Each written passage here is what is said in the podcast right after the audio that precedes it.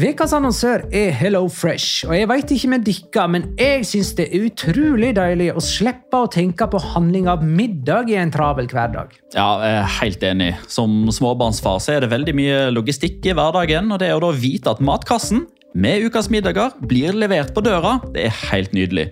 Da slipper du impulskjøp på butikken når blodsukkeret er lavt, og når du kommer hjem, kan du bare ta ut posen med dagens ingredienser fra kjøleskapet og sette i gang matlaginga. Ja, Du kan velge mellom 25 ulike retter hver uke. Og de har faktisk en egen kategori som heter Raskt og enkelt, med masse enkle og gode oppskrifter. Veldig greit å ikke måtte ty til takeaway hver gang det er hektisk på jobb. Jeg gleder meg spesielt til sterk chilikylling i min neste kasse. Jeg blir sulten bare av å tenke på det. Ja, Det er ikke feil med bacon og cheeseburger heller, da. Og det som også er bra, er at matkassen koster det samme hver uke, som gjør det enklere å holde matbudsjettet. Ja, og så blir det ikke matsvinn heller, fordi du får akkurat det du trenger til hver eneste rett. Hello Fresh kan absolutt anbefales, og bruker du koden vår, LIGALOCA, kan du få opptil 1779 kroner i rabatt på de fem første matkastene hvis du ikke har prøvd Hello Fresh tidligere. Du kan også prøve koden hvis du har avslutta abonnementet ditt for tolv måneder siden eller mer. Gå inn på hellofresh.no og bruk koden LIGALOCA. Bon appétit! Hallo? Jeg kommer fra Oslo politikammer. Ine Jansen er purk. Er du purk? The motherfucking bitch. Alt jeg vil, er å finne ut hva som skjedde med mannen min. Jon Carew. Er jeg sikta for noe? Iben Akeli. Det er du. Ole So, Lars Berrum og Big Daddy Karsten. Hvem sin side er du på, egentlig? Anette Hoff, Tone Danielsen, Kommer du fra Afrika? Jørnis Josef, Nesten. Kløfta. Trond Espen Seim. Det er synd å si det, men det var feil mann som døde. Purk. Premiere tirsdag på TV2 Play.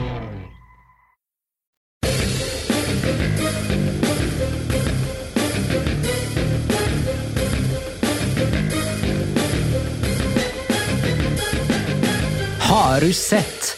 Mens Real Madrid var opptatt med å reklamere for Saudi-Arabia sammen med Barcelona, skulle Girona danse på bordet hjemme i Spania.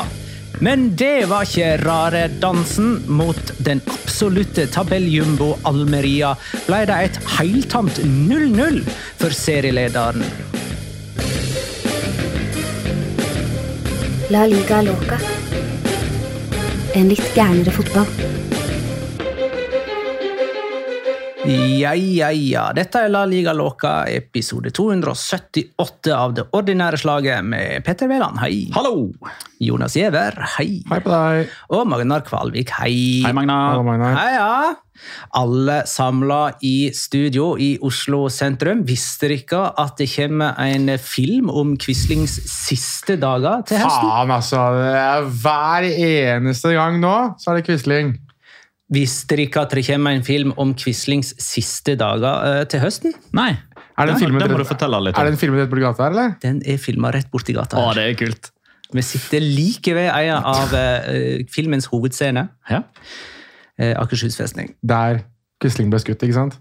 Der tok han sitt siste åndedrag. Ja. Og det var i oktober 1945. Jeg, jeg kan ha kommet i skade for å si 46 en gang. Ja Eh, Men ikke. eh, jeg, jeg har lest meg opp nå. Det var i 1945. Mm, Den rettssaken tok ikke så veldig lang tid. Nei. Kan jeg få lov til å uh, komme med Det er litt sånn kryss i taket-mandag for meg, det her. Uh, vanligvis så er det jo jeg som har rangla og, og vært den, den mest ranglete av oss den tid jeg er den av oss som er ugift eh, og ikke har barn eller noen annen altså ikke noe annet ansvar enn overfor meg selv. Eh, klokken eh, 01.11 eller noe sånt, så ramlet det inn en snap fra Monsieur Felland på andre sida her, som eh, var på Rune Rudberg-konsert.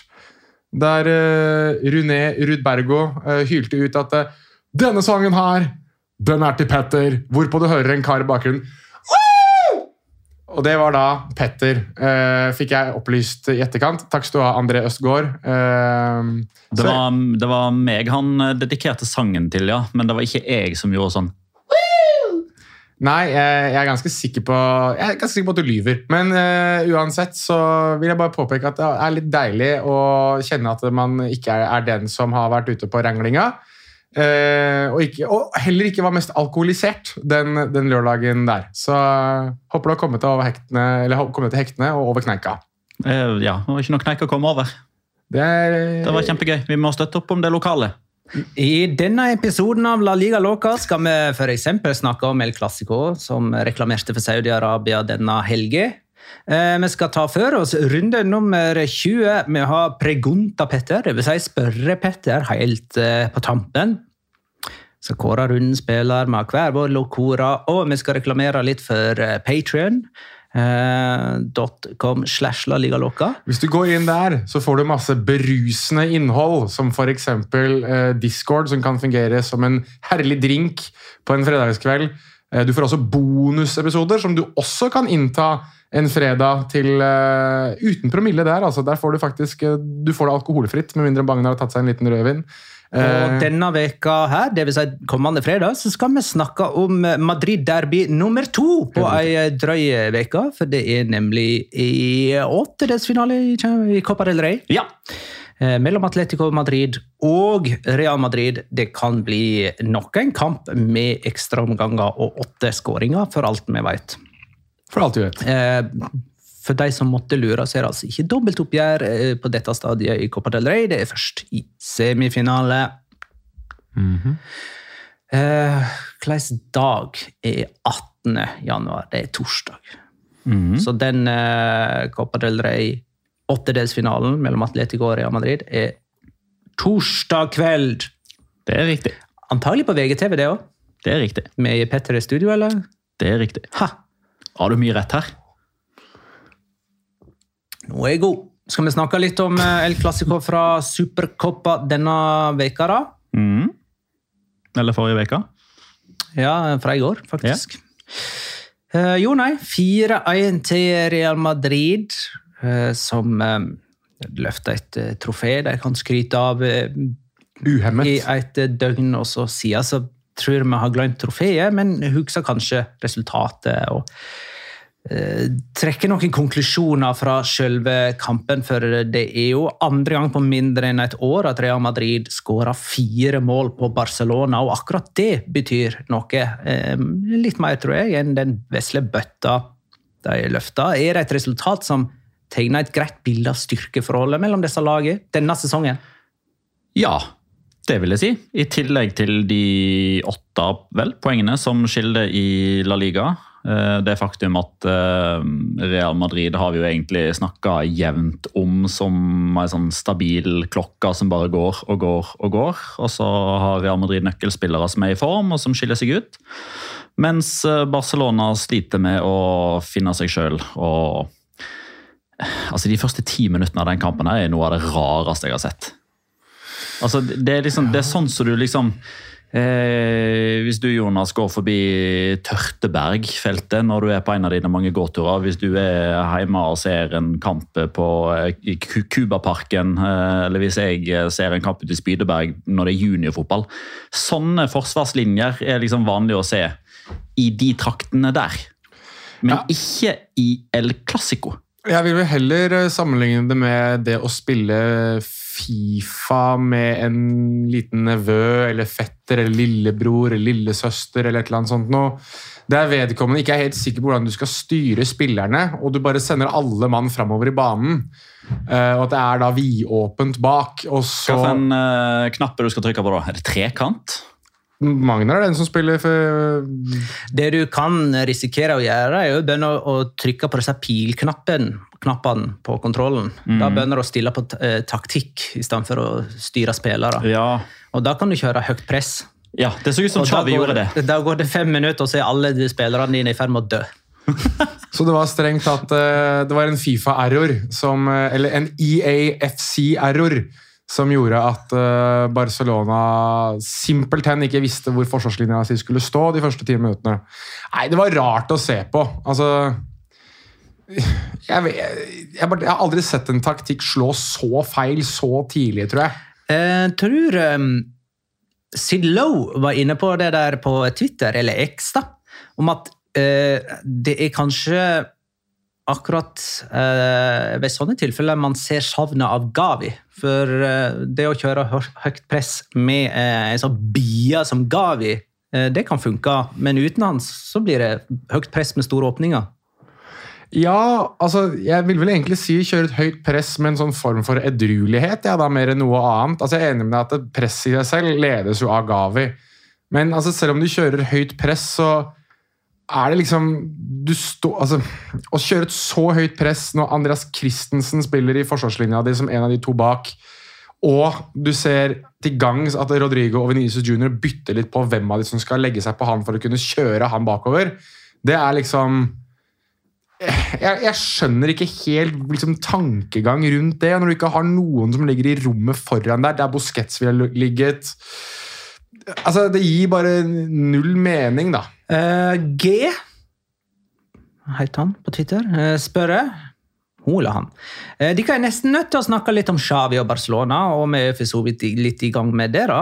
Eh, hvis eh, denne tweeten fra Fran Martinez stemmer, så er det oppsiktsvekkende. Han pleier jo å ha bra på, på data, han altså. altså eh, statistikk. Xavi har 24 tap på drøyt to sesonger som Barcelona-trener. Da er han altså ett tap unna å bli den spanske treneren med flest tap i klubbens historie. Hvem er det som har flest tap? Står du der?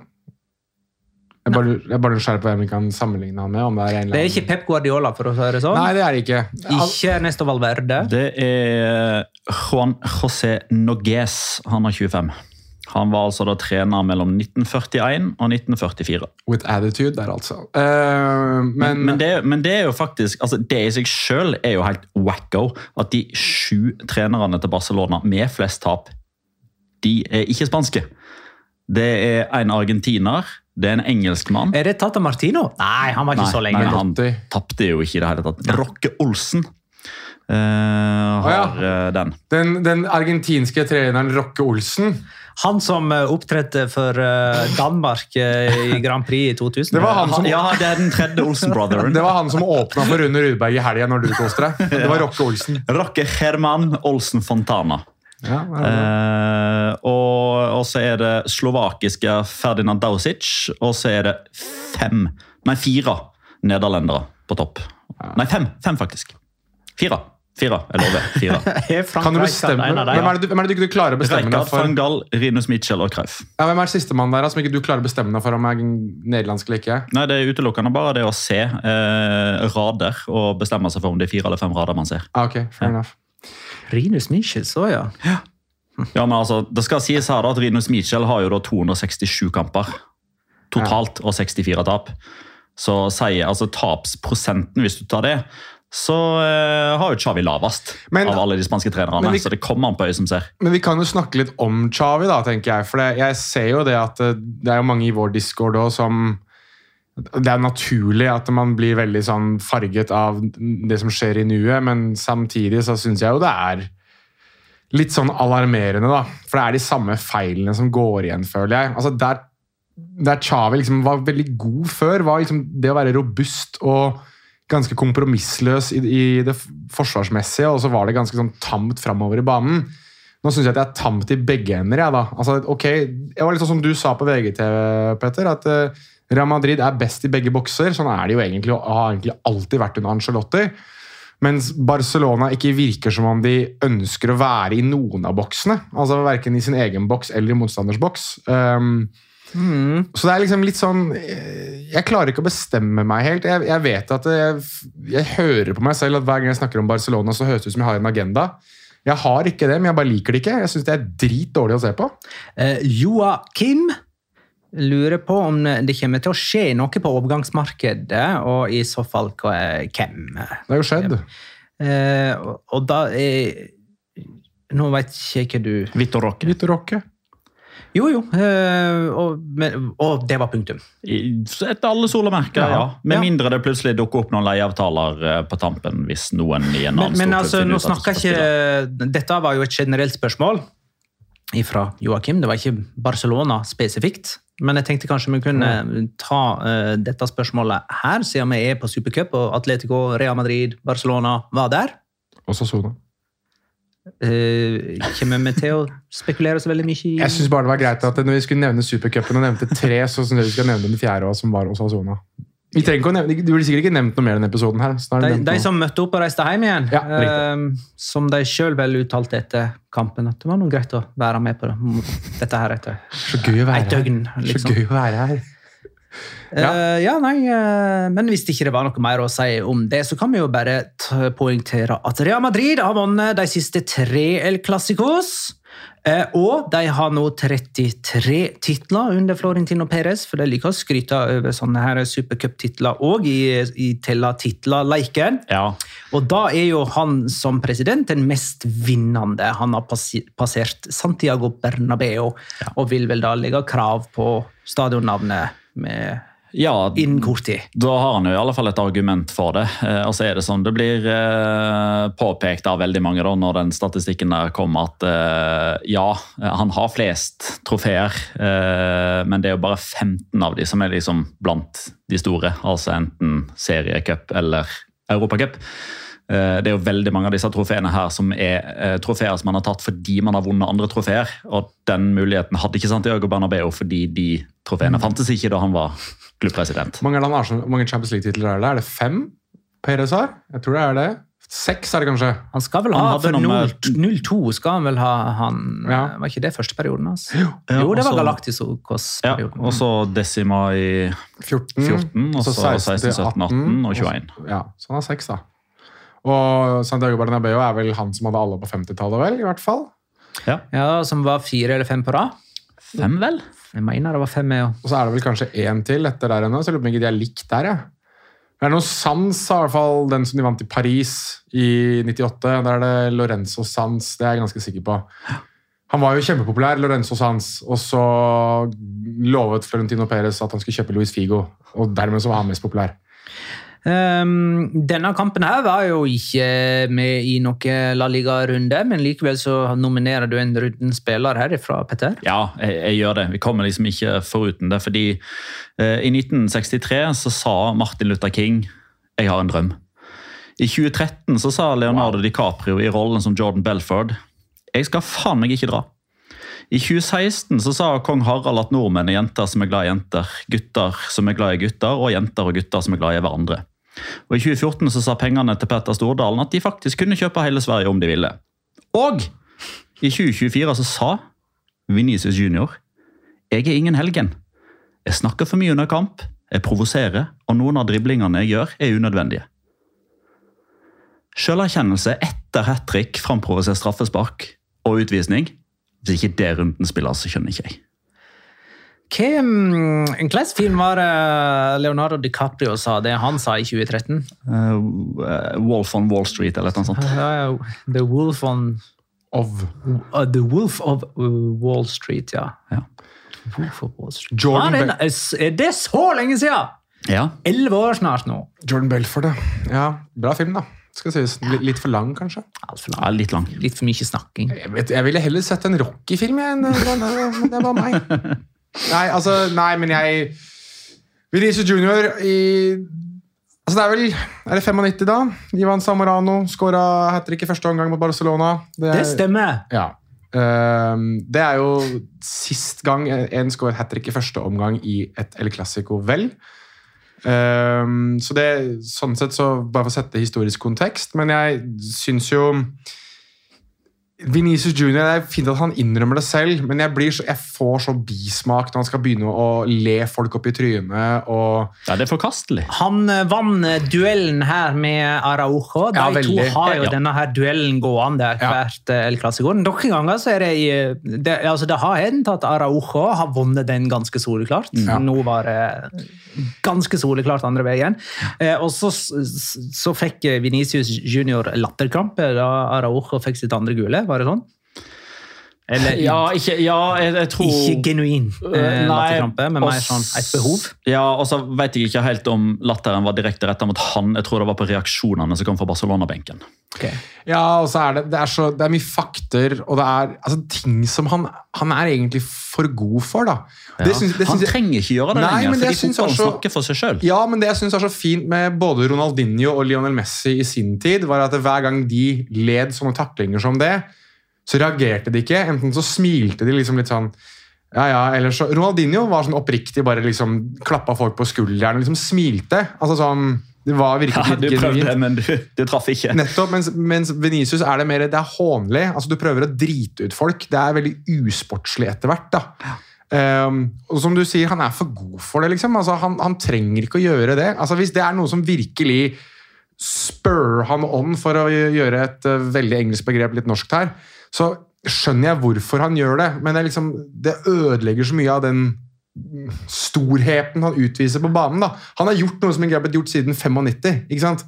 Han skårer hat trick mot Barcelona. Ja, og han, har, og han har også gjort noe som ikke har skjedd siden 10. mars 2007. For han er den første som sørger for at en Barcelona-spiller har lagd et straffe og blitt utvist i en og samme kamp. Altså Ronaldo Araujo.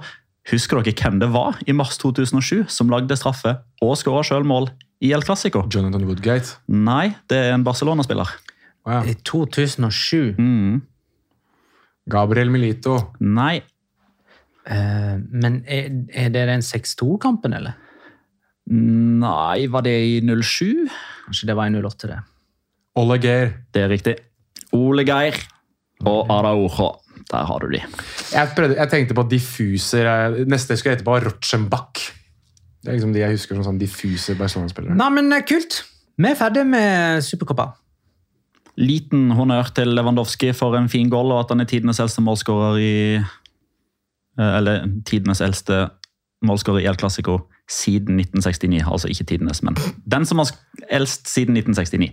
Siden vi hunser han hver gang, så fortjener han uh, hyllest for den voljen. Der, der skulle du bare ha dyttet inn et statistisk poeng bare for å gi han noe. Ja. Det er bra.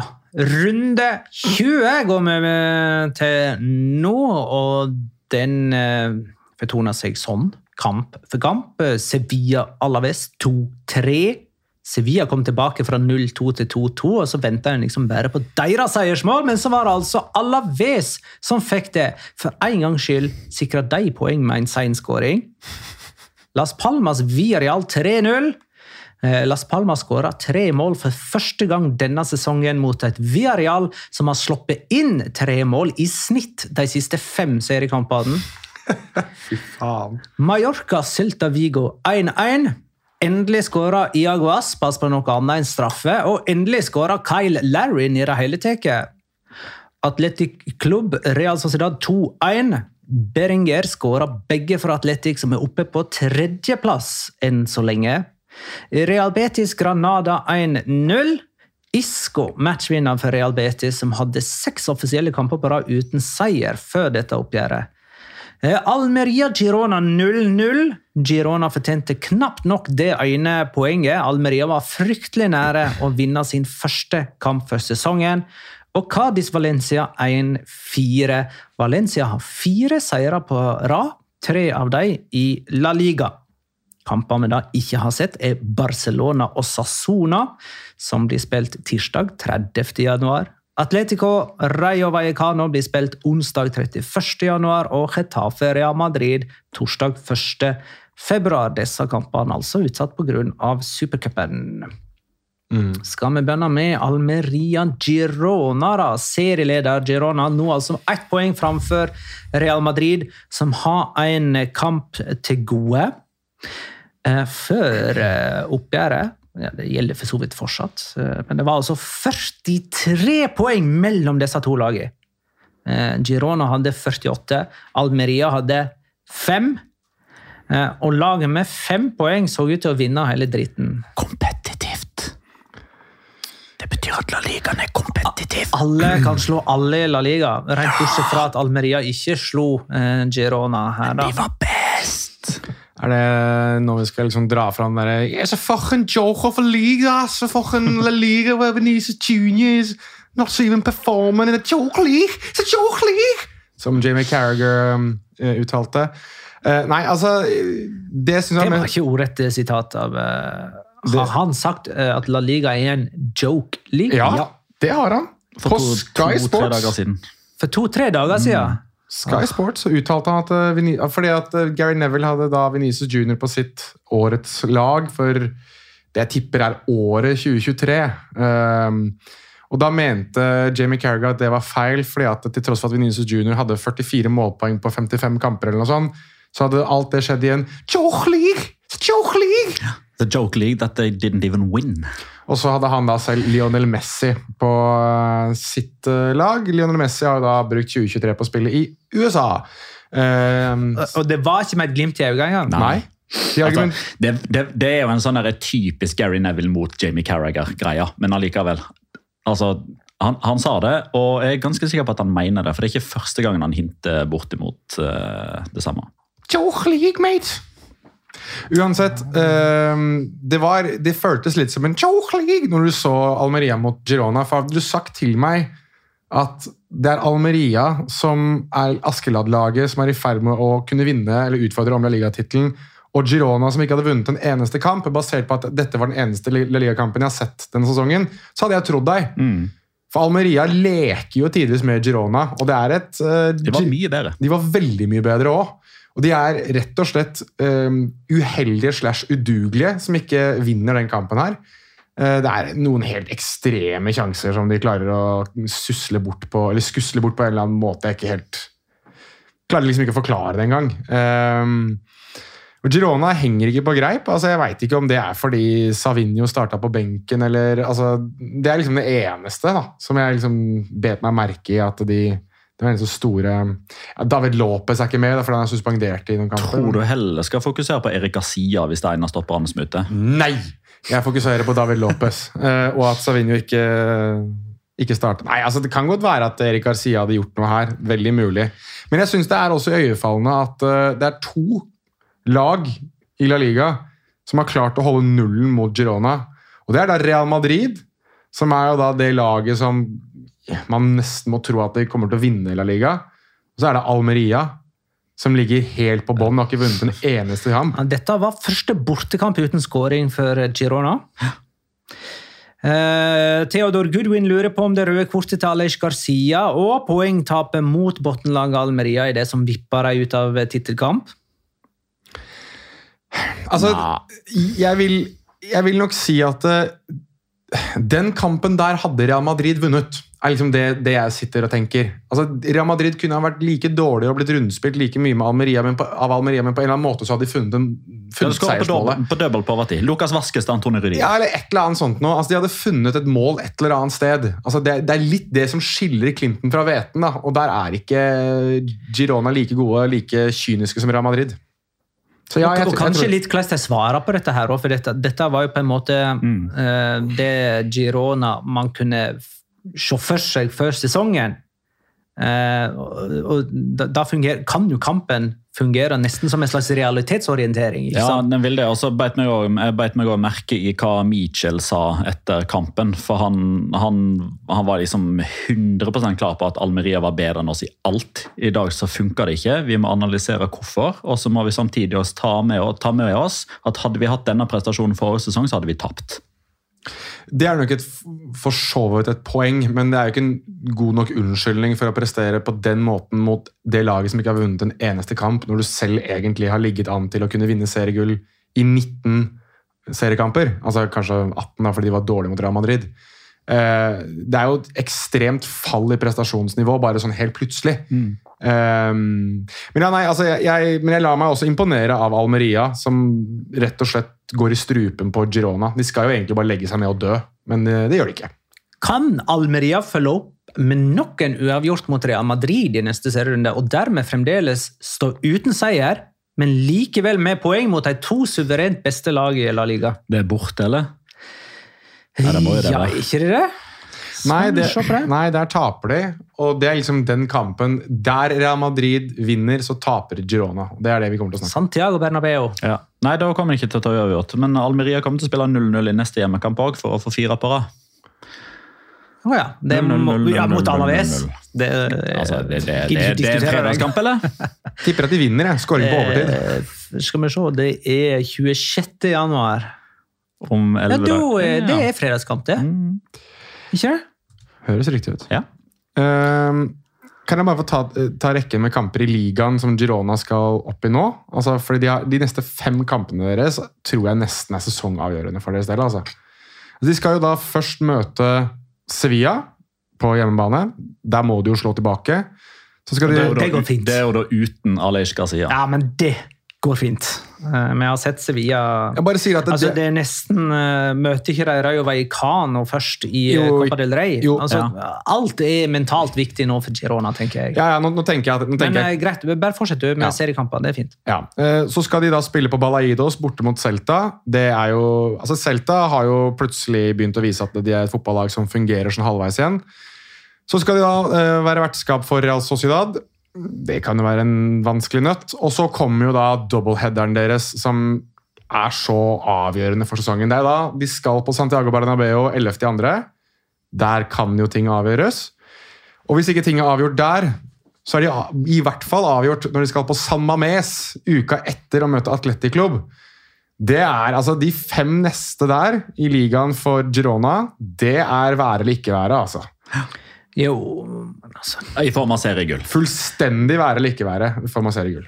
Jo, jo, men eh, det er jo ikke altså, Det er jo to bunnlag og uh, Det er de jævligste lagene å møte, tror jeg. to topplag og et uh, imellom der. Ja. Jeg tror, Men uh, Sevilla og Celta Vigo er jo helt evneveike, begge to. Altså, Så de, det kan- de lagene som du har lyst til å møte i sånn mars-april, det er type Mallorca, Osasuna, Rayo. Alaves, kanskje? Ja. Det passer jo i alle fall veldig bra å møte Sevilla nå. ja. Eh, skal vi se Jeg kan jo nevne at Almeria nå har 23 seriekamper på rad uten seier. Det inkluderer da de tre siste serierundene forrige sesong.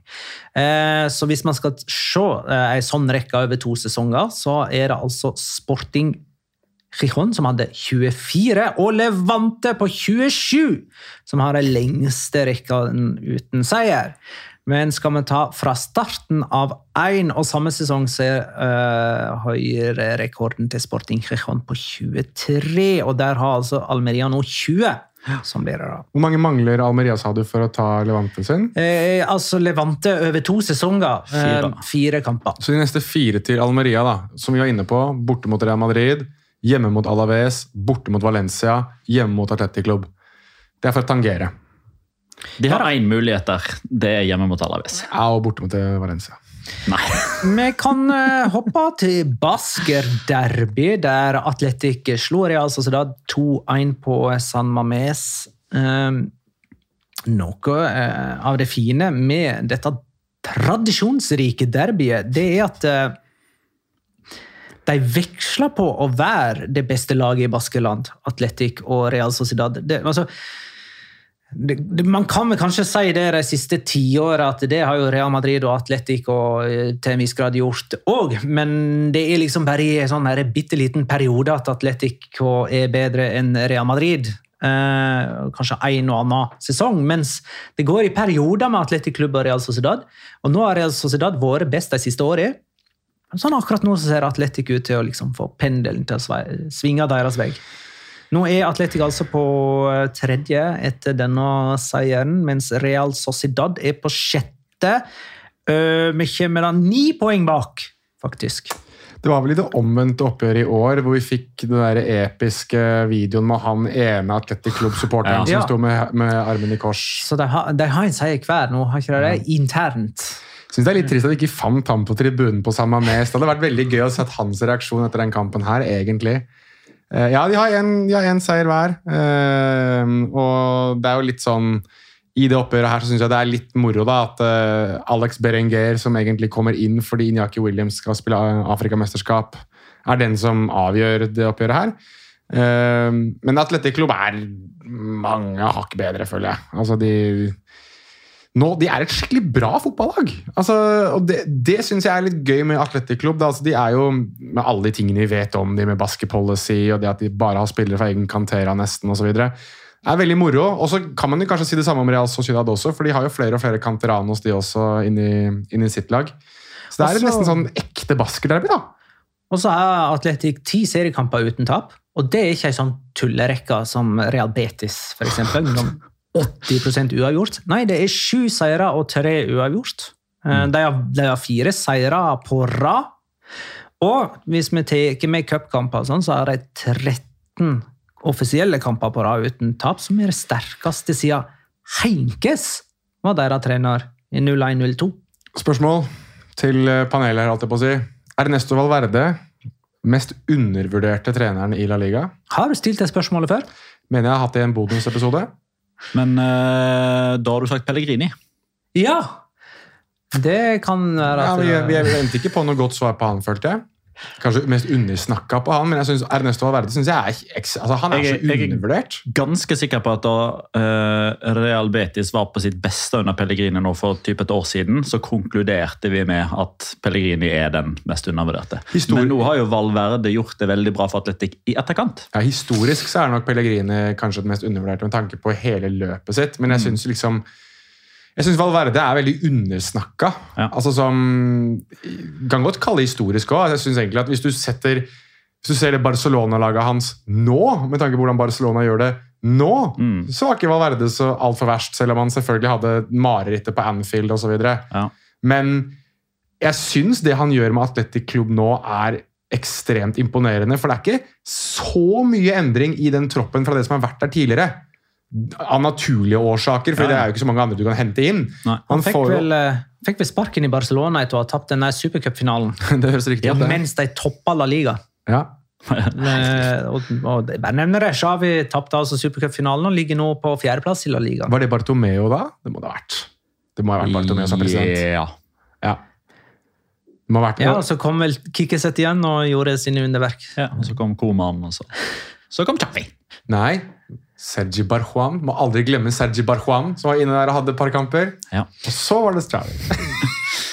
Men eh, uansett, det som er gøy Ref eh, vår eh, Jeg skal ikke ta til diskusjon, men jeg har jo tatt opp dette her med at jeg mener at Pamplona er en del av Baskaland, og at veldig mange sjøl mener det.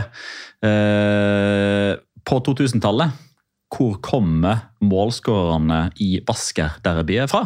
På 2000-tallet. Altså, fra, I dette årtusen. Dette årtusenet. De siste 23-24 år. 15 skåringer av spillere som er født i Baskaland, altså Pais Vasco-regionen. 25 fra Gipuzkoa, altså San Sebastian og omegn. 27 fra Navarra.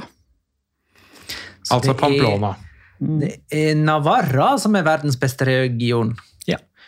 Disse her, men disse her trenerne som driver på nå Det er det er primært Gipuzkoa, Ja. Emery Så det- og Arteta og gjengen. Så hvor mange har vi av trenere fra Navarra? Det er først og fremst spillere som er produsert ja. eh, der, da. Mm. Hvem er toppskårer blant de? Ja? Kan du si én spiller fra Navarra, slik at folk kan mynte noen på noe? Inyaki Williams, Raúl Garcia. Okay. Begge født i Pamplona. Berenger, er ikke han eh, omtrent derifra ikke òg? Det kan godt hende at det var han som gjorde at den statistikken nå bikka i favør uh.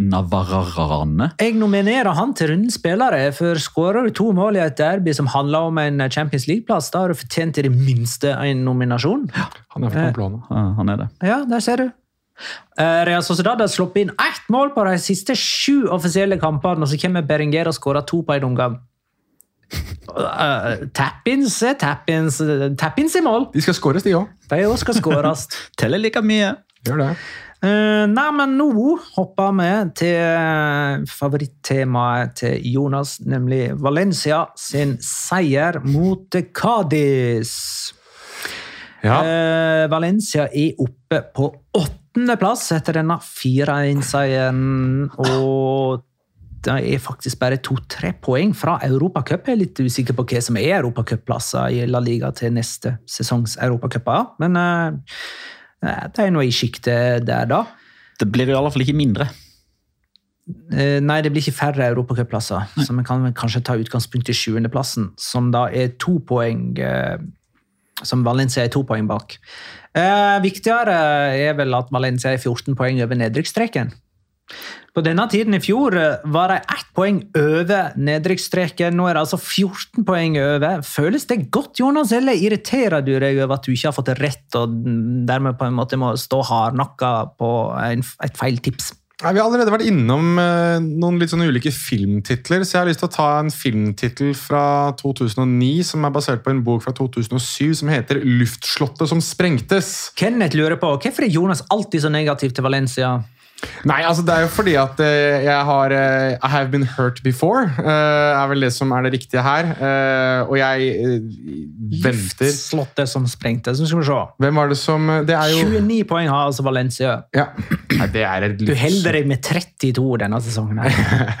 Du trenger én seier der nå, så er så jeg skal, si, seg jeg skal si én ting, og det er jo det at de tre nederste der, det er, det er pilt råttent nivå. Ja. Altså. Men jeg er ikke uh, verre enn at jeg tror at Valencia fort kan finne på å ramle ned der med typ ti strake tap, og Baraja sparkes og Voro inn tre tap. Det skjer ikke. Um, Chris Robin Eriksen spør på, i discorden vår Nei, han spør ikke, han bare konstaterer. Det er også det. på at Valencia hadde sju canteranos, altså sju egne eh, produserte spillere, på banen på slutten av denne kampen. Eh, Derav to 19-årige stoppere. Og så skal vi vel heller ikke glemme at to av disse skåra. Javi Guerra og Jesus Vasques. Diego Lopez-kortet.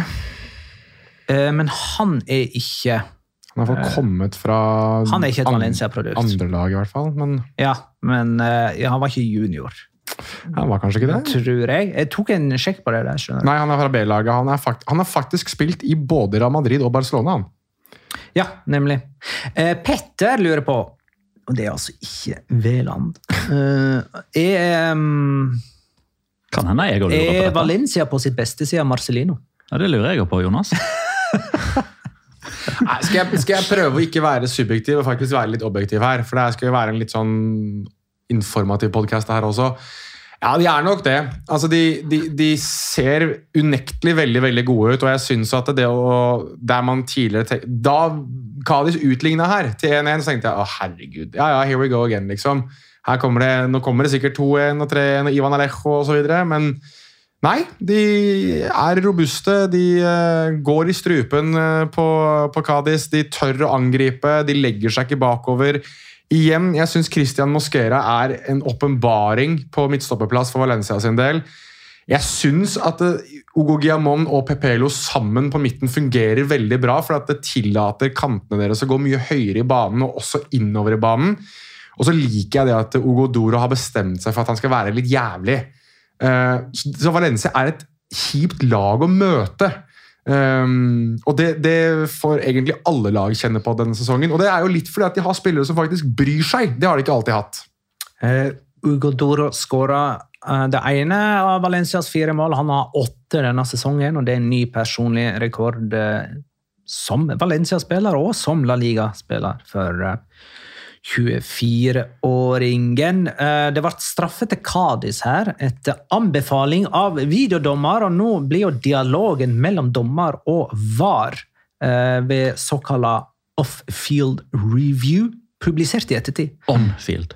Eh, ja, Det syns jeg er litt rart at man kaller det on-field når han går ut av banen. Men ok, da er det det. Men det er på banen, det er ikke OFR. Eh, hva syns eh, dere om denne dialogen? Eh, altså, de, kan, de trenger ikke å ta fra denne kampen spesifikt. Det var jo en i Sevilla, f.eks. Eh, men det at, denne, at dette blir publisert, og eh, hva får man ut av det, liksom? Jeg vil si først at det er veldig, Du kan få lov til å utdype dette, men jeg syns det er veldig befriende. Det er så deilig.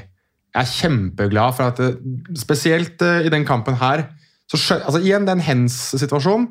Jeg skjønte den ikke, men etter å ha sett den videoen Ok, det er det dommeren så. Det er det han dømmer på. Ja, det var det videodommer så da. Som Ja, og det, og det dommer Forklar det, da. Altså, det- Eh, Dette er jo en sånn eh, hens eh, der Ja. det er et skudd i Valencia-muren, og så er det Ja. en som på en måte kniper armene inntil brystet, og så får han ballen eh, i albuen. Men da har han jo vridd seg litt til side, så kan man jo kanskje just, øh, argumenterer at han med albuene gjør seg litt større. Ja, og det, det, Dette er jo akkurat det videodommer sier. at Dette er det jeg ser. Jeg ser at denne, jeg husker ikke om det er Pepelo. Om det er, Det er Pepelo. ja, han gjør seg litt større. altså Han tar vekk et rom der ballen egentlig skal gå. Ja, Det er idet han vrir seg, da. Ja. Nøkkelbegrepet som de bru bruker her, er 'ocupa un espacio'. Han opptar en plass. Ja, han tar en plass som ikke er naturlig å oppta. Hmm. Altså han gjør seg sjøl større. Men uten at han hadde vridd seg og fortsatt stått re, vendt rett mot ball og fått ballen i, i albuen, så hadde ikke det blitt straffe. For da hadde jo uh, Da hadde ballen gått gått i magen Ja, hvis det hadde vært en albuen ikke var der. Og naturlig bevegelse. Og... Ja.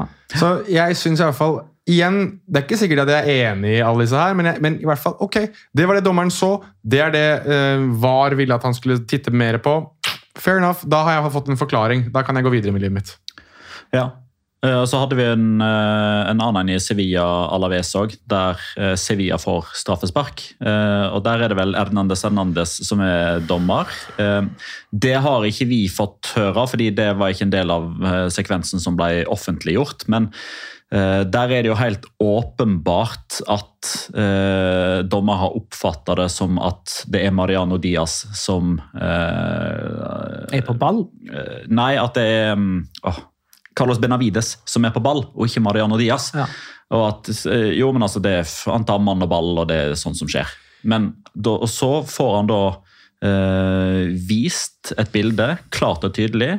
Det er Mariano Diaz som er på ball. Carlos Benavides er aldri borti ballen, og han sparker Mariano Diaz sin fot. Det er det du får se. Du får først se stillbildet, og så viser jeg situasjonen i loop. Ja, Og så diskuterer de fram og tilbake, eller egentlig ikke diskuterer, det er åpenbart at det har blitt veldig skolert i hvordan de skal ha kommunikasjonen her. Fordi dommer er veldig bekreftende på at ja, det er det jeg ser, ja, det er det som er riktig, dette er straffespark og ikke gult kort. Han holder kjeft. Det er det jeg liker med VAR. VAR sier nå skal du få se, så spør han om bildebytting et par ganger. Mm. Og så forklarer han nå skal jeg vise deg det på denne måten her, slik du ber om.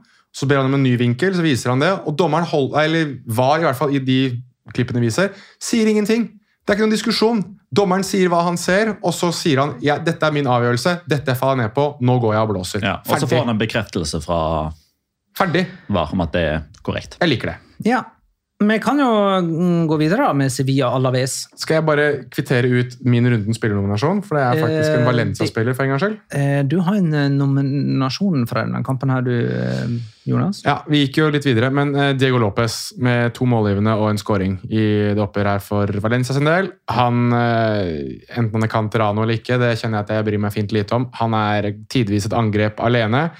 I den kampen her så river han og sliter i det Cádiz-forsvaret noe så til de grader. Og enten han legger seg på Javi Hernandez eller om han legger seg på Isak Arcelem, det har ikke så mye å si.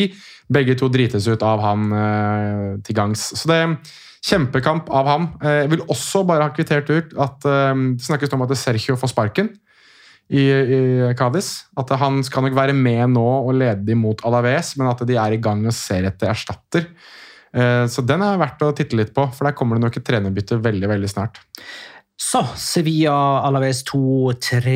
I previewen til denne kampen på Patrion så sa de ikke at det kommer ikke til å bli like mange mål som det for første oppgjøret, som endte 4-3 mellom disse to, og de fikk jaggu rett. Eh, Dette var Alaves sin første borteseier for sesongen. Og det var første gang de vant på Ramón Sánchez Pijuan i Primera eh, Divisjon. Sevilla har nå ni strake heimekamper uten seier. Det inkluderer Champions League-oppgjør. Det er deres dårligste heimerekke noensinne. Så hvor hen skal liksom dette snu? Ja, jeg er Ja, men nysgjerrig, Girona, da? jeg er nysgjerrig på din, eh, på din altså, Du satt jo og så den kampen her med alle andre diskorderere i discorden vår. Discordistas! Discordistas. Veldig bra, Magnar. Du satt jo og så den der, og da var det, det jeg, kunne lese frustrasjonen din uh, av å sitte og Ja, se på det nei, jeg bare gjentok uh, egentlig det jeg sa i halvårsoppsummeringen min, at man veit aldri hvor hen bunnen er uh, fra et fotballag. Nei. Man kan bare rase nedover og nedover, nedover, og det kan bli dårligere og dårligere og dårligere. Så hvor hen bunnen er for Sevilla, det vet vi ikke før det har snudd. Og jeg ser ikke hvor hen det skal snu med alle disse elendige heimekampene og ja, kampene generelt. Og Eh, Det er ikke sikkert eh, man vet hvor bunnen er for andalusisk fotball heller, men la oss bare konstatere at lag nummer 17, 18, 19 og 20 i La Liga er fra den flotte og fyrige regionen hvis navnet er Andalusia. Og det er kun ett av 16 lag i Copa del Rey som er fra Andalusia. Betis er de som er det høyeste av Betis, som òg er litt under pari, med tanke på at det er en syvendeplass og de vant for første gang på sju kamper nå. Um, i Alaves uh, skåra to av sine tre mål på corner. Det var Og- likt. Og begge gangene så vant de to dueller i Sevilla sin 16-meter. Ja, altså Jeg, jeg syns det er jeg syns det er veldig fascinerende for Sevilla sin del å ha altså Marcao ble hentet inn som en sånn dårlig Diego Carlos-erstatter. Men en av de tingene som jeg husker jeg leste om han var at han skulle være en sånn type hærfører. At han skulle være en som går først i krigen for, eh, for laget, spesielt på dødballer og sånn. da, God i lufta. Så har du jo da hentet inn Sergio Ramos, som da er Tarzan. Eh, og Vi trenger liksom ikke å snakke så veldig mye mer om hva Sergio Ramos bidrar med i luftrommet. Men de blir liksom helt smågutter begge to. Eh, Ja, Marcao han, han kom som erstatter før forrige sesong uh, for eh, Carlos. ja, han ble skada. Ja, Han eh, var skada rett etter den medisinske testen, og dette var altså hans åttende seriekamp eh, for Sevilla. Ja. To år. Nei, altså han er jo, Når du skal sette opp sånn tidenes dårligste Sevilla-kjøp, så er han fort en av de jeg ville hatt, som jeg husker. da, altså Det er ikke sånn at jeg går rundt og husker alle kjøpene Sevilla har hatt. Det er ikke sånn at de er Valencia heller, der kan jeg nevne i fleng. Men, eh, men han er nok fort en kandidat der. Men jeg, jeg, igjen, da jeg sitter og ser på den startoppstillingen deres, det er Og nå har de hentet inn Hannibal Meshbri, som kommer inn fra Manchester United, som skal inn på midtbanen deres der. Og så er det Agomé, som de, er det det han heter? Agomé? Aguame, tror jeg. Agua, altså, jeg veit ikke hvem det er engang! Alle skal med. Ja, men jeg, altså, hva er liksom Hva er nøkkelen her? Jo, men sånn var det jo til en viss grad under Monchi òg. At de kjøpte ukjente navn som ble kjente navn og kunne selges for eh, en god pris. Eh, men eh, man sitter liksom ikke med følelsen av at det Nei, men det som er den store forskjellen her, da, var at Monchi henta de jo fra klubber som ikke var så store at de sa at ja da, dere kan få leie og utvikle det en, mm. en halv sesong, og så henter vi de tilbake og selger de og får profitten. Det er det de gjør nå, ja. Ja. Eh, og Alexander, sånn skrives det, eh, spør om det blir atter en gang eh, trenerskifte i Sevilla. Hvem faen skal de ansette nå? Nei, altså, det kan være en B-lagstrener, det, som helt sikkert er bedre enn Kike Sanchez Flores. Men jeg, jeg tror ikke de tør å skifte trener igjen denne sesongen. I alle fall ikke å hente en ekstern, men at Kike Sanchez Flores er trener i Sevilla neste sesong, det nekter jeg å tro. Det tror jeg ikke. Jeg har, da har jeg et spørsmål her. Er det noen som vet hvilken klubb som har rekorden for flest trenerbytter i løpet av en sesong? Jeg vet ikke. Jeg bare spør. Er det noen som kan det? Det må jo være, altså Elche hadde ganske Tenk- mange i fjor. Jo, uh, teller vi med disse vikarene, Uh, Nei, altså våre og fire ganger i én sesong. for eksempel. Ja. Jo, men ja, da, blir jo anta, altså, da blir jo han én eh, i antall trenernavn, da. ja. ja nei. Eh, nei, det teller Altså det rene trenersparkinger, da, hvor mange trenere har blitt sparket i én klubb, liksom. Jeg, jeg vil jo tro at Sevilla er nærme i en tangering av en rekord hvis Kiki Sanchez Flores skulle gå også. Men jeg tror ikke de jo Las Palmas hadde fire i alle fall i 2017-2018. Altså fire ordentlige trenere. Der var det ingen som var midlertidig. Ok. For Sevilla har jo nå hatt Mendy Libar, så har han Diego Diego Alonso. Og så er det Kike Sanchez Flores. Ja. Men var det en vikar i mellom meg, noen av dem? Nei. Nei. Nei, ok. Da har jeg like mange trenere som seirere i Primera Divisjon. Tre seire, sju har gjort, og ti tap! Men mitt store spørsmål er hva gjør et trenerbytte her uansett? Altså, den, Unnskyld uttrykket, men det er forferdelig møkkapissræva, hele det laget der, liksom. Det er ikke én spiller på det Sevilla-laget der per dags dato jeg mener at det presterer over evne. Ingen.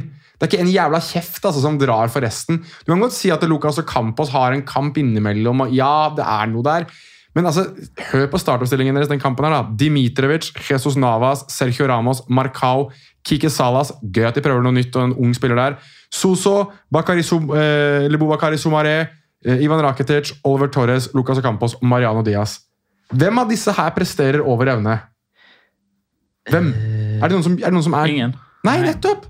Uh, og Rakitic han har nå 20 offisielle kamper uten seier med Sevilla, altså på rad.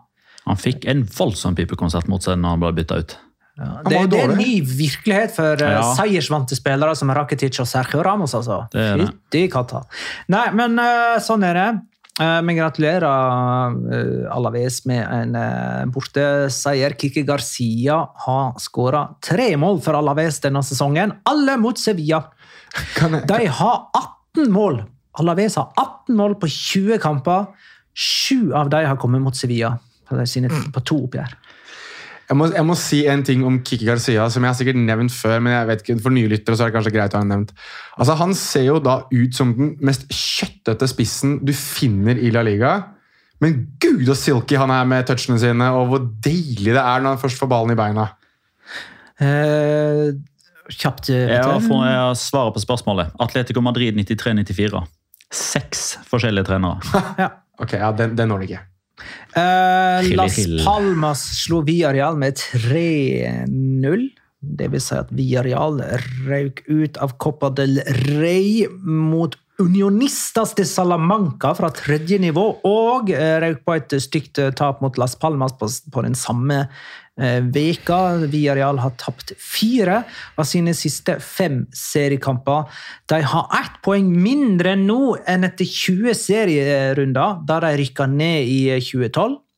Men den gangen så rykka de ned med 42 poeng. Så spørsmålet til deg nå, Petter, er kommer de til å ta færre poeng nå og likevel klare seg? Svaret er ja. Ja. Det er det. Eh, av Sevilla, nei, Villarreal sine trenere denne sesongen så tok altså Setien tre poeng på fire kamper. Så hadde du denne vikaren, Tena, eh, null poeng på én kamp. Eh, Marcellino har sju poeng på sju kamper, mens eh, Pacheta er mannen som stikker av med seieren. Ni poeng på åtte kamper, den eneste med flere poeng enn antall kamper av årets Villarreal-trenere. Og nå er det snart 50 dager siden at jeg fikk igjen. Ja, Nei, det er faktisk så blir- Ja, ikke sant. Det var synd. Nei, men det var en morostatistikk. Det var en morostatistikk. Kan, eh, kan jeg få nevne en type på eh, dette Las Palmas-laget som fikk eh, det ordentlig til å bruse i mitt fotballblod? Og jeg er litt sånn lei meg. eh, jeg skal inn på litt hvorfor jeg er lei meg også. Men altså Det er noe av det herligste jeg har sett på lang, lang tid. At det eksisterer en midtstopper på Las Palmas med det fulle navnet Juan Manuel Herzog Gonzales. Altså For de som husker 90-tallet, Andreas Herzog fra Østerrike. Sveits, vel? Var det Sveits han var fra? Var det ikke Østerrike? Han på Liverpool. De to blander hele tiden. Nei, han spilte ikke for Liverpool. Nei, du, te, du tenker tenker på, på Stefan du. Ja, Anschos var- tenker du på. Ja, Herzog er østerriker. Ja, riktig. Ja. Mm. Altså, At det eksisterer en midtstopper på Las Palmas som heter Herzog, og spiller med Herzog på ryggen det er, altså jeg, jeg satt og googla og prøvde å finne ut er det noen connection her. Med, Du, du vet at de, de sitter på i, i østerriksk eller ligger loka nå og lurer på om pappaen har vært en liten tur i Palmas. Las vi, skal, vi kan gå innom eh, Einar Galilea litt senere, ja. men uh, uansett jeg, jeg er så ekstremt glad for at vi har funnet en som heter Herzog i, eh, i La Liga. Og så er jeg veldig lei meg for at vi ikke fikk eh, Janes Haji på banen for Alaves, for da hadde vi hatt både Haji og Herzog i eh, en La Liga-runde i 2024. Det hadde vært veldig gøy. Uh, Mallorca Celta Vigo endte 1-1. Um, målgivende her av Jørgen Strand Larsen til Iago Aspas. Bare notere oss, i tillegg til at det er liksom mange andalusiske lag som ligger på de nederste plassene, så, så har vi altså, eh, hvis jeg ikke tar feil nå 1, 2, 3, 4, På de siste seks nederste plassene så finner vi Sevilla, Celta Vigo og Villarreal. Så det er en ganske sterk bunngjeng, sånn i tradisjonell eh, forstand. Og I, i 1999-2000-sesongen Ja, så rykka jo Betis, Sevilla og Atletico ned. Ja. Eh, så dette her det er jo en potensiell eh, sånn sterkest trio siden da. Eh, På nedrykksplass. Men så kommer Granada og Almeria og ødelegger alt. da, selvfølgelig. Jeg gjetter på at ikke du skal snakke så veldig mye om Mallorca Celta. Mm. Jeg bare nevner, jeg synes det var litt kult. Eh, Mallorca spilte i nye drakter. Ja. Eh, De hadde helt spesielle drakter som de skal spille med kun én kamp, og det er fordi det var da eh, inauguration-drakta, for nå er jo eh, det nye Son Moish er jo ferdigbygd. Så dette her var jo første kampen uten masse byggeprosjekter på tribunen der, så da hadde de en helt egen spesiell drakt for å liksom eh, Find the heat var liksom det de snakket om på, eh, på eh, sosiale medier. i hvert fall. Den drakten var dritfet, så det, den anbefaler jeg folk å ta en ekstra titt på. for du får ikke se den igjen. Er det noe Erika har lyst til å si om Real Betis Granada 1-0? Utover at Eh, Isco ble matchvinner? Feker og Isco fikk noen minutter på banen sammen, og da ble det skåring. Og da vant Betis. Ja. Eh, Betis er ett av tre lag uten heimetap. De tre lagene uten heimetap det er de tre lagene med flest uh, heimetilskuere. Benito Via Marine er den tredje mest eh, besøkte stadion i Spania denne sesongen. Santiago Bernabeu er vel kanskje en av dem. Det er den eh, sterkeste, ja. Eller den med flest. Og så er det Rolig, rolig, rolig nå. Rolig. Gå videre. Gå videre. Ja vel. Og du lukker den faen nå. Den eh, faen Oyer Fano? og- Men kan jo nevne at Real Betis får besøk av Barcelona til helga. Og hvem er rundens spiller? Skal vi virkelig la Venicius få rundens spiller eh, før han har spilt runde 20-kampen sin? Nei, Nei. Nei, da tenker jeg at det er um... Da blir det Beringer. det blir det. Kult! Men gratulerer han med eh, og ønsker lykke til. Mm. Da er det tid for Locora! Ukens La Liga Locura. Locura. Locura. Locura. La Liga Locura. Ja, i Locoraen min, den kan jeg ta ganske kjapt. Eh, Det er uh, Lucas Ocampos sin eh, straffe for Sevilla mot Alaves. For han er innimellom så kald på straffe at han tar en sånn no look. No look-straffe. Han, han, han har øynene på keeper, og så ser han at keeper går til en eller annen side.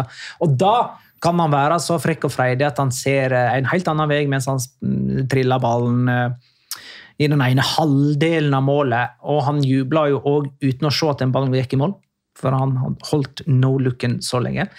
Det er helt unødvendig. Eh, Det gir, det gir ikke noe ekstra scoring. Egentlig så det gir ikke det gir ikke poeng engang. eh, For det, selv om det var en 2-2-skåring, så tapte de 3-2. Eh, Det eneste han får ut av det, er en heders omtale, hederlig omtale i La Liga Loca. Ja. Skal jeg til neste? Jeg hadde egentlig en, en annen Locora, men jeg gjør en liten audible her. Eh, og det er Når jeg endelig funnet ut at han heter Star på, eh, i discorden vår Han er jo en eh, svoren discordista. For han har lagt ved en stjerne ved siden av navnet sitt nå i, eh, i discorden. Ah. Han har vært gravejournalist for oss i La Liga Loca denne uken her, og har tatt kontakt med Einar Galilea. Og han har fått svar fra Einar Galilea på hvorvidt det er noe norskt i ham. Det er det ikke. Men hans mor og far var store fans av uh, det islandske bandet The Sugar Cubes. Og en av de som spilte i The Sugar Cubes, er en herremann ved navn Einar Ørn Benediktsson. Dermed ble sønnen oppkalt etter denne vokalisten slash eh, trompetspilleren. Jeg trodde det var gitarist av meg. Nei, men det kan godt hende at det, trompet her, Jeg skal ikke legge meg opp i det. Uansett, verden fikk dermed møte Einar Galilea. Så da har, vi, da har vi endelig fått avslørt og fått et svar på det mysteriet. Bra jobba, Star. Veldig bra. Star er vår mann. Eh, min Lacora handler om Ivan Alejo. Eh, for han, eh, han er jo et kjært barn eh, i denne sammenhengen, for han blir ofte nevnt som en som har et vaskeekte dra til trynet. At han er en drittsekk på banen. Og at, ja, Vi har vel til og med blitt sitert på her at Alfonso Pedraza gjorde oss alle en tjeneste da han headbutta han i september. Eh, han fikk et nytt gult kort mot Valencia nå. Eh, og her er det ganske mange vendinger denne lokoren kan ta. Eh, jeg kunne eksempel ha nevnt at det var hans ellevte gule kort denne sesongen. Eh, og for de som vil ha en, eh, en referanse, en målestokk her den spilleren som veldig mange våger Eller de, de vegrer seg mot å ha på sitt Fantasy Premier League-lag, det er Joao Palinja. Fordi han får så sinnssykt mange gule kort. På en hel sesong i Premier League forrige sesong så fikk Palinja 13 eller 14. Vi er så vidt passert halvveis, og kantspilleren Ivan Alejo har fått 11. Men hvis du ser på La Liga-karrieren hans, så har han altså fått 42 gule og to røde på 116 kamper. Det er sånn ca. et gult kort hver to eh, og en halv kamp. Som, eh, hvis vi tar utelukkende det statistiske faktumet, er veldig mye oftere enn f.eks. Sergio Ramos. Som jo er kjent som en gris. Tulling. Idiot. Ja. Kjært barn har mange navn. Men det som gjør dette enda verre, er at når Ivan Alejo starter fotballkamper, så blir han bytta ut. Stort sett hver gang. Veldig mange av disse kampene her er innhopp.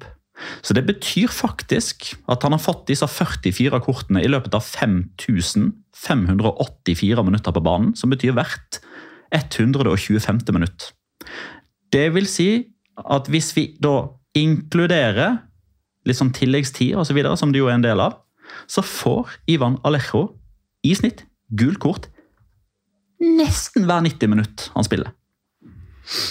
Ja. Jævla gris. Jævla gris. Da har vi fem minutter til med uh, Spørrepetter! Pregunta-Petter, Spørre-Petter, intrikat, vrient, vanskelighetsgrad, kjempelett, gruble, nei forresten, tenke lenge, statistikk, historie, fundere, nyttige fakta, pass, unyttige fakta. Spørre-Petter. Ja. eh, du skjønte det kanskje litt hvor det bar hen, når jeg ba deg om å holde ja, kjeft. Ja, nei, det skjønte jeg faktisk ikke. oh, så, men nå skjønner jeg det. Ja. Eh, så nå har dere kommet et stykke på vei. Ja, Vi har det allerede, ja. Ja. Gjennomsnitt. Eh, ja. Eh, Jeg vil at dere i tur Dere skal eh, komme fram til hvordan tilskuertabellen ser ut i snitt. Fra 1 til 20. Og nå er det ikke sånn 1 at dere, 20. ja, dere skal sette opp La Liga-snitttabellen. Uh, og her er det ikke sånn ja, Er Real Madrid på første? Ja, nei. Dere skal sette opp tabellen, og så skal jeg se hvor mange riktige, hvor mange riktige dere har. Det må du skrive, da. Eller, det må vi vel Eller så kan dere, dere gjøre det. Jeg, jeg tenker jeg skriver, jeg, og så holder dere fingrene vekke fra mekkene. Ja vel. Ja, nei, men det er Real Madrid, med, altså Santiago Bernabeu, Metropolitano og Benito Villamarin. Det er topp tre. Ja. Uh, er San Mames kanskje nummer fire? ja, og Montjuic nummer fem.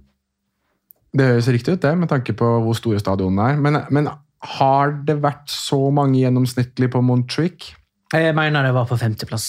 Ja, du har sett tabellen, du, ja? Eh, nei, jeg så topp fem, tror jeg, av eh, Ja, men da, vi kan, da kan vi godt gå for det. jeg har ikke noen innvendinger. Eh, Ramón Sánchez Pijuan er vel ikke så stor? Ja, men det er lov å se på tabellen. Ja, sånn at tabellen må vi titte på. Ja, ja. Sånn at vi ikke glemmer klubber her. Det er vanskelig nok å holde styr på 20 stykker. Ja, det er jeg enig med deg. Altså i- Skal vi se, da. Valen Mestalla er også for så vidt ganske stor, da. Uh, er ikke så stor, kanskje, men uh... Jo, men nå er vi i sjiktet Real Sociedad, Valencia og, uh, Sevilla. og Sevilla. Ja. Det må vi være. Som vi sier Jeg går for Anueta først, kanskje. Anueta, Mestaya. eh, og, ja, Mestaya og Ramón Sánchez Pijuan. Da, da har vi åtte. Ja. Uh, kan El Sadar kanskje være nummer ni? De har jo veldig Den er på størrelse med Ullevål. Er den det, ja? Ja, det er ikke sånn magi... Men er det noen som er større her nå, da? Nei. Jeg tror ikke det er noen som er større. Nei, eh, El Sadar er nummer ni, det da. Ja. Vi- Er kommet til nummer ni? Ja. Vi har glemt uh, Balaidos og um, Da tipper jeg Balaidos er nummer ti, ja, sånn, sånn størrelsesmessig. Og de også har jo ganske svorne supportere. Vi må jo ikke glemme at Rayo mangler en kortside, f.eks. Så de kommer jo alltid til å være ganske lavt. Jeg har ikke glemt det. Uh, Via Real 11. Ja. Det som er viktig å treffe på, det er den, den med færrest tilskuere.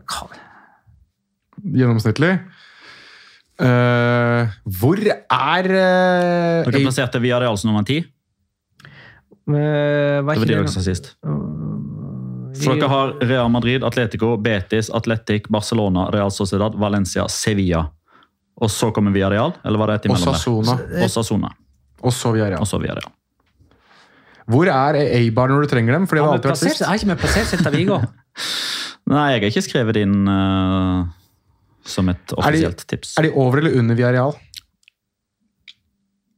Husk at det, nå er jo Nuevo La Ja, da, er setter vi Celta Vigo på tolvte. ja. altså, Nuevo Laceramica er jo også utbygd nå, så de har jo Mm. fått øh, Jeg vet ikke om de har veldig mange flere tilskuere, men de har noen, vel? Men Celta er da 11. Nå har dere sagt 11. Nei, nå har vi sagt Villarreal er elleve. Ja, det er 10. Nei, Petter, nå må du høre etter. Nummer ti er Osasona. Nummer elleve er Villarreal. Osasona nummer 9. Hvilke lag er det du har tatt ut du nå? Dette er hvorfor vi ville skrive, ikke du. Jeg har ikke tatt ut noe. Du Dere følger jo ikke med. Real Madrid, Du tenker på Rune. Atletico, Betis, Atletic, Barcelona, Real Sociedad, Valencia, Sevilla. Og så spurte jeg om det var Villarreal. Nei, det var Osasona. Så kommer Villarreal, og nå har dere sagt Celta. 1, 2, 3, 4, 5, 6, 7, 8, 9, 10, Ja, 11. sånn, eh, men eh, sånn Så er det jeg hører etter, Jonas. Nei, med, du vi må bare forte oss nå. Har vi kommet til 11, ja. Uh, nummer 12, uh, det blir jo da Celta Vigo, det var nummer 11, var det? Mm. Kan Menisa også være høyt oppe? Jeg vet ikke. Jeg vet ikke hvor stor Alaves hjemmebane er. Men det er en av de jeg tenker på at de har hatt en stund, liksom. De har vært der lenge. Det er jo ikke um, Granada Novelos Carmenes Jeg vet ikke hvor stort det er. Ja, men vi er vel i det sjiktet der nå. Uh, uh, Mendis og Rossa, eh, og eh, Los Carmenes. Og så Las Palmas, kanskje? Ja. Og så Mallorca. Ja, greit. Men jeg, men Getafe er ganske Jeg har vært på Coliseum, det er ikke veldig stort. Det er Nei, ikke, og de fyller ikke stadion heller. men jeg går for Girona, ja, da. Ja. Girona etter Mallorca. Girona er ikke stort, Magna. Slapp helt av. nei, Vi, vi, jeg tror vi er good, vi nå, altså. De har satt opp provisorisk, så det er ikke så Så det veldig bra. jeg lurte på, var om de var sist. Tror ikke de er sist. Jeg tipper det er Hvor mange har vi nå, da? Å, faen, det er en klubb her vi har glemt som vi burde hatt høyere. Eh, dere har Jo, det er bare å Celta var 11, Las Palmas 12, Mallorca 13, Girona 14. Kan du sette inn Cádiz over Mallorca? Jeg tror Cádiz er ganske mange. Okay. Cádiz er sånn supportere som er der hver gang, liksom. Uh, nei, men da er det på tide med Granada, eh, for det har ikke vi satt inn. Mm, og Almeria Altså, Almeria har jo også ganske svorne supportere, da. Eh, Men jeg, men jeg vil jo tro at når de taper så mye som de gjør, så er det ikke sånn at alle tenker at de må gå hele jævla tida. Jeg tipper, jeg tipper at Almeria er nummer 19, og så tipper jeg Rayo er sist fordi at de mangler så mange pga. den ene kortsida si. Det er jo ingen på den kortsida. Jo, du har jo tatt vekk en del av stadion, liksom. Ja, ja. Hvor mange har vi på plass nå, da, Petter? Nå har dere sagt 11, 12, 13, 14, 15, 16, 17, 18 stykker. Det er to lag som ikke er nevnt og plassert ennå. Og det vet du hvem de er? Ja. Hvem er de? Alaves og Retafe. Ja, Retafe sist, da. Så, Ta Retafe Getafe sist og Alaves uh, på den ledige plassen. Ja. 19 på Alaves, 20 på Retafe. Nei, den, du hadde den- Almeria, sa jo du var 19. Nei, den siste ledige plassen. Den siste ledige plassen, da blir det mellom Granada og Almeria. Det Høres bra ut. Og så bare leser du hele. Deres tips nå er Real Madrid, Atletico, Betis, Atletic, Barcelona, Real Sociedad, Valencia, Sevilla, Osasuna, Villarreal, Celta, Las Palmas, Cádiz, Mallorca, Girona, Granada, Alaves, Almeria, Rayo og Retafe. Ja. Den er fin! Real Madrid er riktig, ja. Atletico Madrid er riktig, ja. Real Betis er riktig, Atletic riktig. Så dere har topp fire. Og så er, altså Sjiktemessig så er dere liksom på to the point på de aller fleste, men Valencia er faktisk nummer fem. Barcelona er nummer seks. Jeg visste at det er fuckings Montreal piss, ass. Og Real Sociedad er nede på åttendeplass, ikke på sjette. Der skal Sevilla foran. Det er så mange som gidder å dra på den møkkakampen der. Mm. Det er det faktisk. 35 000 i snitt hos Sevilla, 32 000 og et eller annet hos Real Sociedad. Ja, vel. Eh, og så er faktisk Las Palmas nummer ni. De har ganske stor stadion, ass. Eh, og sisteplass på øvre halvdel, med 48 tilskuere mer i snitt. Celta Vigo. Ja, vi hadde vel litt ned, hadde vi ikke det? Dere hadde Celta Vigo på 11. plass, så der er det liksom bomme én og bomme to. Eh, Ja. Det er liksom gjengangerne. Så er det Kadis. Faen! Så de var litt, eh, enda litt eh, Dere hadde de på 13. Uh, Viareal er nummer 13, så de hadde dere for høyt. Granada er nummer 14, så der, den hadde de, dere for lavt. Mm. Almeria er 15. Er de så høyt? Mallorca er 16. Almeria 17. Rayo 18. Til tross for at de mangler en side? Girona er 19.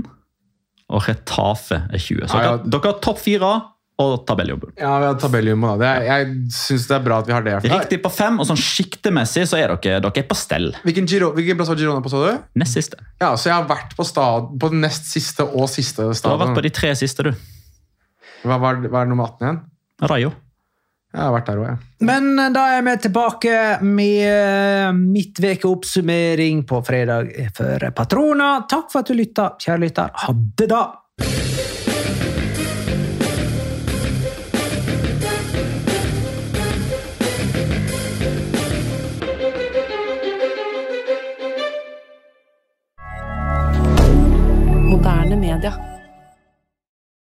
Har du et enkeltpersonforetak eller en liten bedrift? Da er du sikkert lei av å høre meg snakke om hvor enkelt det er med kvitteringer og bilag i fiken, så vi eh, gir oss her, vi. Fordi vi liker enkelt. Fiken superenkelt regnskap.